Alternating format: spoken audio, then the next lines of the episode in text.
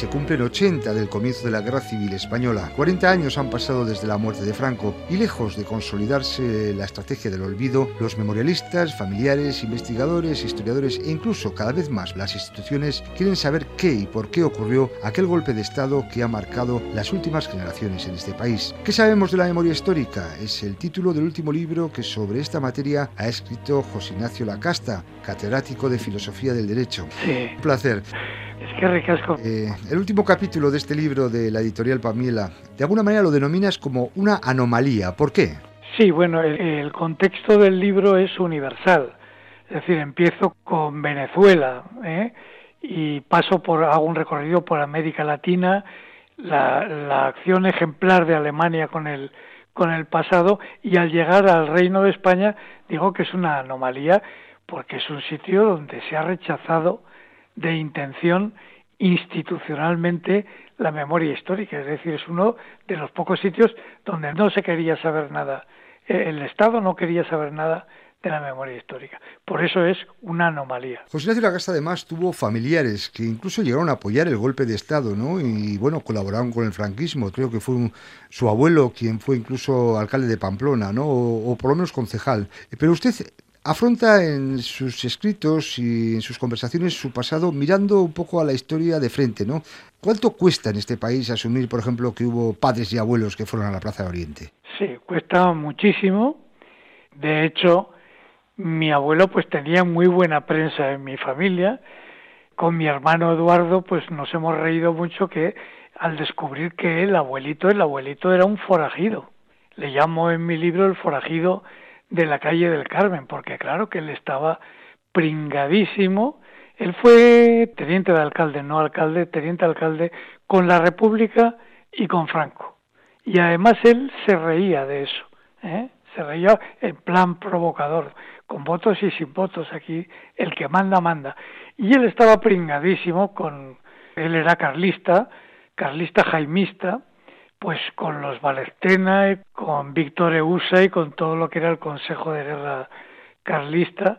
Y bueno, y personalmente, pues era un hombre muy simpático, cantaba en el Orfeón Pamplonés, era un hombre muy querido, por otro lado, en fin, pero, pero eso, eso para mí pasa a segundo plano cuando compruebo cómo se ha beneficiado de una guerra promovida por él mismo y cómo ha servido eso para seguir mandando y seguir dominando en una sociedad, ¿no? Y estar en la en la cúspide, ¿no? De manera ilegal, además. Yo creo que con todo esto de la guerra y demás se pierde demasiado la perspectiva de la legitimidad. El régimen de la República, ahora estaba leyendo precisamente un libro de Javier Pérez Rollo que insistía mucho en eso. Dice, bueno, el régimen de la República es el régimen democrático, porque proviene de los votos, del sufragio universal, por primera vez de mujeres y de hombres. Es pluralista porque admite los partidos políticos. Es pluralista en el plano sindical también. Luego, es una democracia. Entonces, lo que se hace el 18 de julio del 36 es acabar con la legitimidad del Estado porque el Estado de Franco no es legítimo, es ilegítimo de nacimiento. ¿no? Yo creo que eso se pierde demasiado de vista. Volviendo un poco al caso de familiares, si algo ha estado oculto también han sido los nombres de las víctimas, ¿no? Pero también de los victimarios, quizá hasta ahora, ¿no? En este momento igual investigadores están ya sacando nombres de victimarios, en el caso de Navarra, por ejemplo. ¿Qué le parece a usted que también se recupere la memoria histórica en ese sentido, en hablar de quienes fueron los asesinos o presuntos asesinos de aquello de lo que ocurrió? Bueno, y los que los impulsaron como mi abuelo, yo creo que es necesario sacarlo. Lo que pasa es que hay que tener mucho cuidado, ¿no? Bueno, ahora yo me he leído un libro muy bueno, Sin Piedad, de Miquel Arena, donde salen los nombres y apellidos de muchísimos victimarios de Navarra y muchísimos verdugos, ¿no? Hay que tener mucho cuidado porque ha ocurrido en el Reino de España, en el Estado español, ha ocurrido que familias de victimarios han ganado pleitos del honor, del honor a eh, familiares de víctimas que han sacado los nombres de los victimarios. Caso muy famoso de un ahora no recuerdo el nombre de un periodista de León que sacó los nombres de unos victimarios y de la falange. Y una jueza lo procesó por eh, acusar a la falange de cometer crímenes de lesa humanidad. Oye, ¿eh? O sea, en la inversión moral de la carga de la prueba. En vez de proteger la moral de la víctima, se protege la moral del verdugo y del victimario lo que demuestra que hay una lucha ahí pendiente porque claro que se tienen que saber los nombres de los victimarios. Por ejemplo, a mí me parece el caso más doloroso, los consejos de guerra que acabaron con penas de muerte. Decenas de miles, por toda la piel de toro. No se, no se puede saber el nombre de los vocales de los consejos de guerra, ni sus presidentes que enviaron a muchísimos conciudadanos por ser leales a la República, los enviaron al paredón. Y no podemos saber todavía a estas alturas protegidos por leyes del honor que son leyes del honor del verdugo o del victimario. Hay que darle la vuelta a eso. Lo dicen todos los historiadores ¿eh? y yo participo también de eso. Y ya que ha mencionado precisamente el libro de Fernando Miclarena, el de Sin Piedad, ahí aparece un personaje que es un poco el paradigma quizá de los victimarios de lo que pasó en Navarra, que fue conocido como el Chato de Berbinzana, a quien se le atribuyen hasta mil muertes. ¿no? En concreto, usted ¿Cómo valora en aquellos momentos, en aquella situación, para que una persona conocida, tenía su familia, tenía su pueblo, tenía su arraigo, pudiera llegar a semejante barbaridad? Eso se nos escapa mucho. Bueno, el fanatismo se desarrolla muchísimo esos años. Por otro lado, la desigualdad. Hoy hablamos de desigualdad, pero entonces la desigualdad era tremenda, tremenda, es decir, si había lucha de clases es porque era algo demasiado palpable, ¿no? Y se junta todo, la desigualdad, el fanatismo religioso, el desprecio del otro. El desprecio del otro me parece fundamental porque, claro, cómo se mata a uno del mismo pueblo o del pueblo de al lado, aunque lo demuestra Miquel Arena, no mataban los del mismo pueblo, sino que era una acción planificada, entre otros por eh, ejecutores como el Chato de Berbinzana, que iban por zonas y mataban más en las zonas que se había votado más al Frente Popular.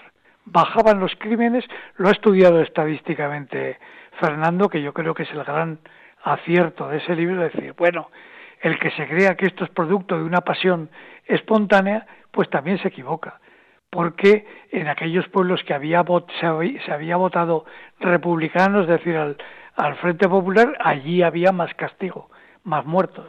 ¿eh? Bueno, eh, es una cosa terrible. No nos puede entrar en la cabeza semejante acción de semejantes desalmados. Y el chato de Berbinzana que aparece en las fotografías del libro de Miquel Arena le, le revuelve a uno las tripas, pero también le revuelve a uno las tripas el obispo, ya no recuerdo su nombre, que está bendiciendo la partida del amanecer que capitanea el chato de Berbinzana. No me acuerdo. José Ignacio Lacasta, usted como catedrático de, Filosofía del Derecho, ¿califica esto de genocidio? Eh, con los parámetros de hoy sí.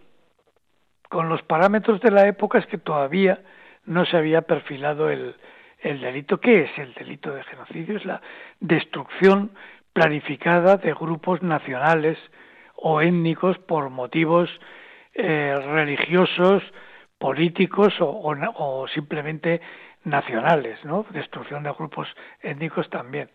Sin duda la destrucción, el asesinato de 3.400 personas en Navarra por sus ideas políticas exclusivamente, me parece que entraría hoy en los parámetros del genocidio y que es un crimen de lesa humanidad. Volviendo al tema de las víctimas ya, no de los victimarios, cuando se habla de víctimas generalmente no se alude a lo que vamos a llamarlo así, a los efectos colaterales, ¿no? a lo que al miedo, al temor de no decir lo que pensamos, no del todo. En este momento, por ejemplo, lo que usted ha comentado, hablar de ciertos victimarios, pues incluso puede tener hasta cierto temor jurídico, ¿no? Sí. El franquismo ha marcado también las generaciones posteriores, incluso la nuestra. Sí, sin duda, sin duda. El miedo, el miedo era una cosa, bueno, pues recordemos nuestras experiencias vitales. El otro día lo recordaba yo en una conferencia, digo, bueno, es que hablamos con la tranquilidad de la huelga legalizada y como derecho fundamental. Yo recuerdo qué es lo que costaba planear una huelga en la universidad. Y bueno, se hacía, al final la hacíamos, pero había que comerse el miedo, ¿eh?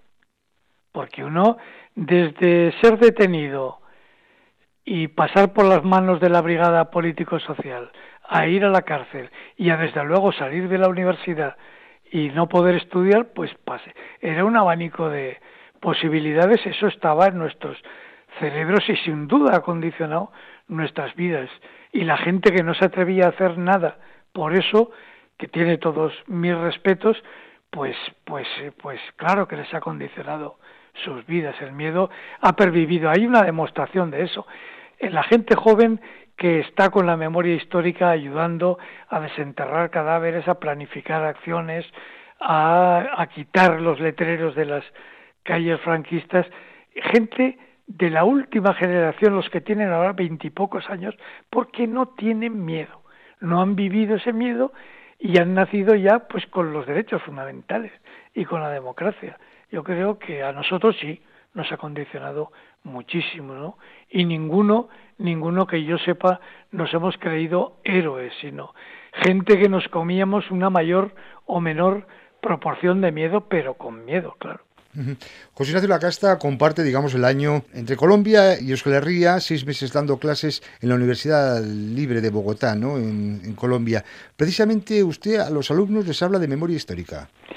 Sí, allí es, bueno, mundialmente, desde luego en toda Latinoamérica, en Colombia hay un instituto de la memoria histórica que depende del Ministerio del Interior, si mal no me acuerdo, y que lleva una labor muy positiva. Es muy reciente, pero en el rescate de los nombres de las víctimas, por ejemplo, ha hecho una labor encomiable. Todos los estudiantes con los que yo trato y todos los profesores saben perfectamente lo que es la memoria histórica y está aceptadísima, incluso institucionalmente. Donde no está todavía aceptada es por aquí. Todavía hay que luchar muchísimo para remover los prejuicios. Recordemos las palabras de Mariano Rajoy, ni un duro para la memoria histórica. Y además lo cumplen, porque no presupuestan en los presupuestos del Estado y en los presupuestos de las comunidades autónomas para la memoria histórica, ¿no? Para rescatar cadáveres todavía no encontrados, etcétera, etcétera. Hay una hostilidad. La misma expresión del concepto de memoria histórica, la Conferencia Episcopal Española lo ha rechazado en un documento importantísimo, lo cito yo en mi libro.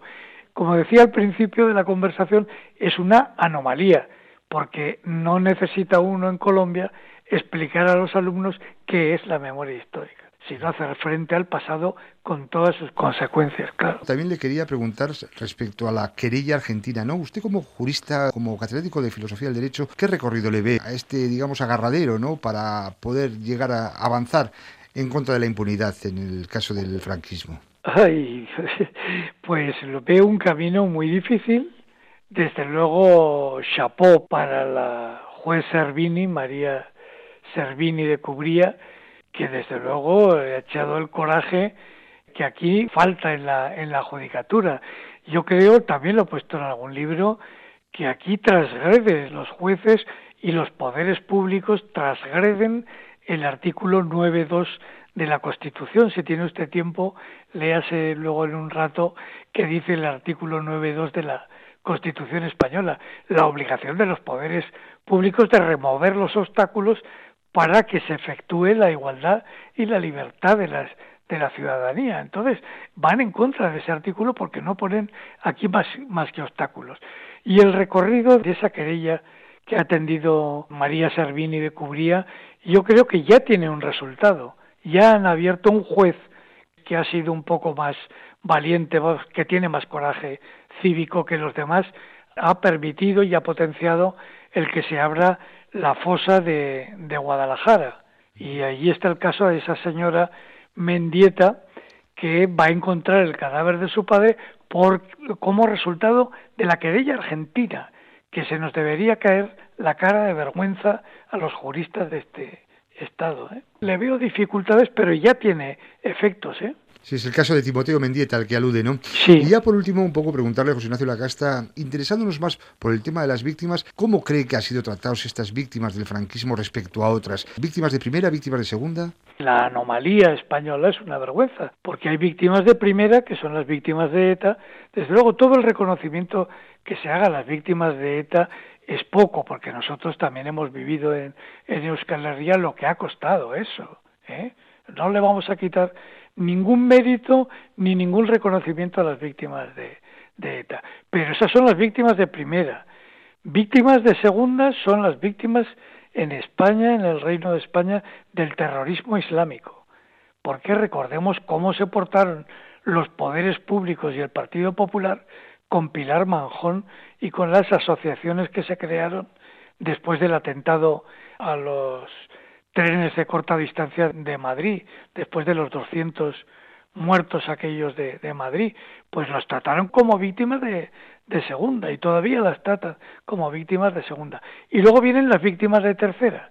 Las víctimas de tercera son los, los cientos de miles de víctimas del franquismo. Los antifranquistas no han tenido ningún reconocimiento real. Se empieza ahora un poquito, pero bueno, han pasado desde que se murió Franco ya ni sé los años que, que han pasado, ¿no? Y, y, se, y no se les ha hecho, no, no, no ha habido, no ha habido reconocimiento. Precisamente han pasado 40 años desde la muerte de Franco, ¿no? Como comenta, pero todavía hay calles, o ya se van quitando calles y plazas con nombres como el General Mola o el General Yagüe. Cuando usted pasea por aquí o por Madrid o, y, y ves el nombre de esas calles, ¿qué le viene a la memoria o qué le viene a la cabeza? Bueno, en el caso de Yagüe me viene a la cabeza los libros de historia como principal responsable de la matanza de, de Badajoz. Murieron miles de personas ametralladas en la Plaza de Toros, bueno, eso tuvo una difusión mundial en su, en su época. Le hicieron una entrevista los periódicos ingleses a Yagüe, que dijo, ¿y qué quiere usted que deje ahí en retaguardia a rojos organizados? Y mató miles de personas, miles. Bueno, Yagüe pues un criminal, un criminal de guerra terrible. Y en el caso de Mola pues me es más cercano y más conocido también, ¿no? Porque yo conozco a quien lo conoció directamente y el papel que tuvo él en la preparación del golpe militar en Pamplona, me parece que fue incluso en algunos aspectos más responsable que Franco del, del golpe del 18 de julio. No en vano en los papeles de los golpistas era el director y fue el que planificó la violencia selectiva y al mismo tiempo masiva desde el principio. Él quería dar desde el principio un gran golpe, golpe mortal, ¿no? Pues fusilando, torturando, etcétera, etcétera, a todos los miembros del Frente Popular y a sus votantes. Entonces tengo una opinión de él como un, un asesino de gran especie. En fin. José Ignacio Lacasta, catedrático de Filosofía del Derecho, profesor, muchísimas gracias por haberse acercado a los hilos de la memoria. Besar cada un debate. Un saludo cordial, es que